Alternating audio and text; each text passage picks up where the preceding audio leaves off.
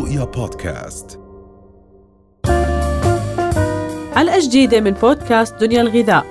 غذائنا مهم لصحتنا وصحة أولادنا. دنيا الغذاء بودكاست من دنيا دنيا. بتعرفي ليلك إحنا دائما بنركز على فكرة التغذية العلاجية بحيث إنه نحن نمنع حدوث المشاكل قبل فنحن بناخذ preventive approach وإذا ما زبط هذا ال approach بنقدر إنه نحن ناخذ curative approach واللي هو العلاجي. فبشكل عام إحنا بالتغذية العلاجية بنركز على منع حدوث المشكلة وإذا للأسف حدثت فإحنا بنركز على العلاج بالطريقة الطبيعية وبالطريقة الصحيحة. نعم. دائما إحنا أول شيء لحتى نعرف شو اللي بيؤدي إلى مشاكل ناسور الولادة هو طبعا المشاكل الإمساك خلال فترة الحمل. ليه بيصير عندي إمساك بالحمل؟ أول شيء عندي خلال الفترة الأولى من الحمل الشهر الأول للشهر الثالث. دائما هاي في بيكون فيها أعلى نسب من الإمساك وأكثر مشاكل بتحدث خلال هاي الفترة ودائما السيدات بيعانوا من هاي المشاكل. شو اللي بيصير؟ عاده إحنا خلال فترة الحمل بيرتفع عندي هرمون البروجسترون. فهرمون البروجسترون بيساعد على استرخاء العضلات. استرخاء العضلات بيعني كمان استرخاء عضلات الأمعاء. فبالتالي الحركة الدودية اللي بتكون عندي بالجسم وبالأمعاء ال peristalsis بتكون أبطأ. فبالتالي هذا الشيء بيؤدي إلى هضم أبطأ وبال- وبالتالي إخراج ابطا هذا الشيء طبيعي. هاي ردة الفعل الجسم سبحان الله طبيعية خلال فترة الحمل.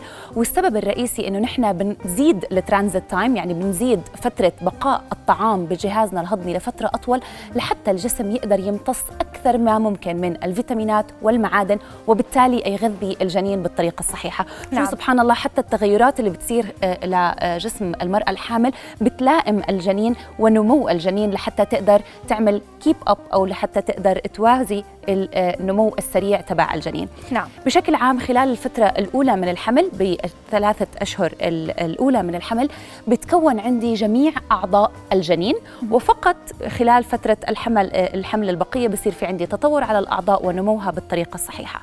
عشان هيك خلال أول فترة بنشوف أكثر نسب إمساك لأنه البروجسترون بيكون بأعلى مستوياته. بالإضافة إنه نحن بيكون في عندي تبطيء لعملية الهضم لامتصاص الفيتامينات والمعادن بالطريقة الصحيحة. فعامل آه، الهرموني بيلعب دور بالإضافة إنه بصير في عندي كمان ضغط من الرحم على جهازنا الهضمي وبالتالي بيؤدي إلى بطء في حركة الأمعاء اللي عندي موجودة بالجسم.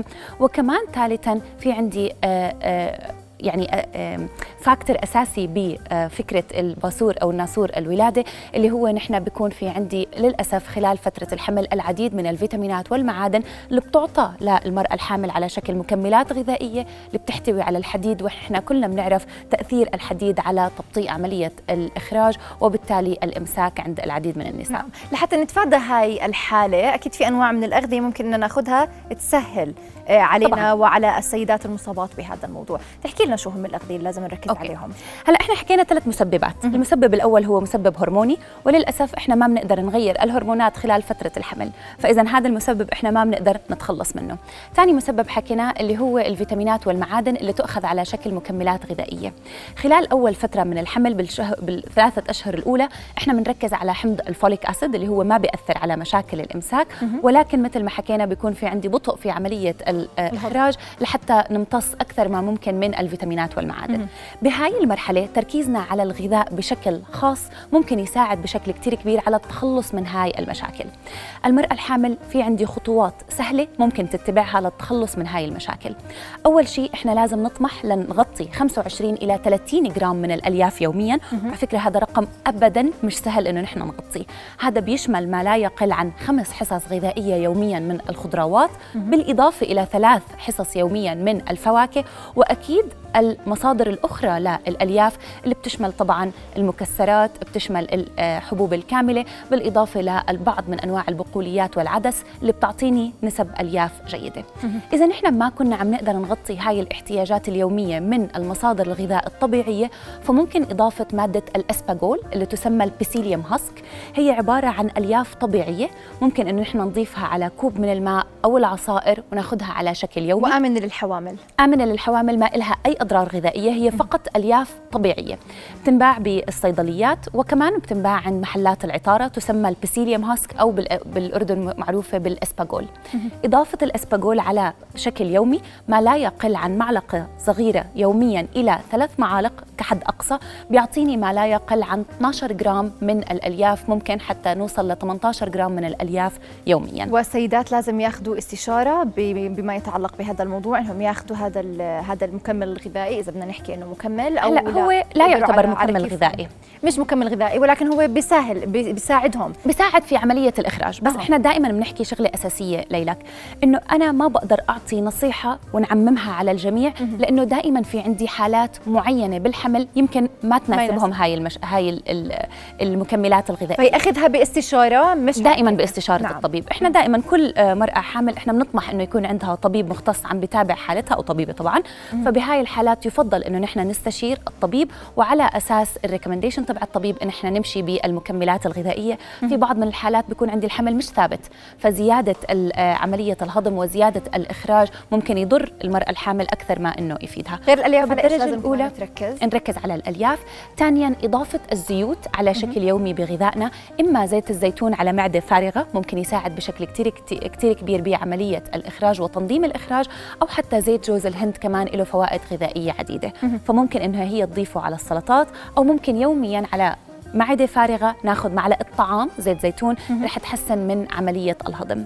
ثالثا بدي أقسم الوجبات إلى خمس إلى ست وجبات يوميا. إحنا بنعرف إنه عملية الهضم بتكون أبطأ بفضل أو مش بفضل ولكن بعامل البروجسترون الهرمون فبالتالي هذا الشيء بصعب عملية هضم الوجبات الكبيرة. فبدل ما ناخذ ثلاث وجبات رئيسية خلينا نقسم الوجبات إلى ست وجبات صغيرة خلال اليوم. هذا الشيء رح يساعد في عملية الهضم ورح يحط ضغط أقل على المعدة. استخدامنا للأراسية على شكل يومي ثلاث حبوب إلى خمس حبات من الأراسيا يوميا بساعد بشكل كتير كبير. وأكيد كمان ما ننسى دور المغنيسيوم في استرخاء العضلات وتحسين عملية الهضم عبر زيادة الأوزموتيك بريشر بجهازنا الهضمي يعني بزيد آه، كميات السوائل اللي بتكون موجودة بجهازنا الهضمي فبالتالي بحسن عملية الهضم وعملية الإخراج. نعم. رند آه، أخيرا تحكي لنا إيش الأشياء اللي لازم نمتنع عن تناولها؟ سيدات الحوامل اللي بيعانوا من النسور. أوكي. بهاي الحالات بدنا نبتعد عن كل الأغذية اللي بقل محتواها من الألياف يعني البطاطا الموز كل الأغذية اللي فيها نسب نشويات عالية نسب ألياف قليلة اللي بتساعد على مسك المعده نحن بنحكي. اللبن كمان ممكن يضر أكثر من ما يفيد. بالإضافة لليمون كل هاي الأغذية بتساعد على زيادة الإمساك عند الشخص بدل من تليين المعدة. فكل هاي الأغذية بدنا نبتعد عنها ونركز بشكل تام على الأغذية اللي بتزيد من ليونة المعدة. وأكيد كمان ما ننسى الدور المهم للرياضة لحتى نحسن عملية الهضم وحركة الأمعاء. نعم اذا شكرا لوجودك معنا رند أهلا وسهلا فيك. شكرا لك ليلى. أكيد رند الديسي خبيرة التغذية العلاجية. رؤيا بودكاست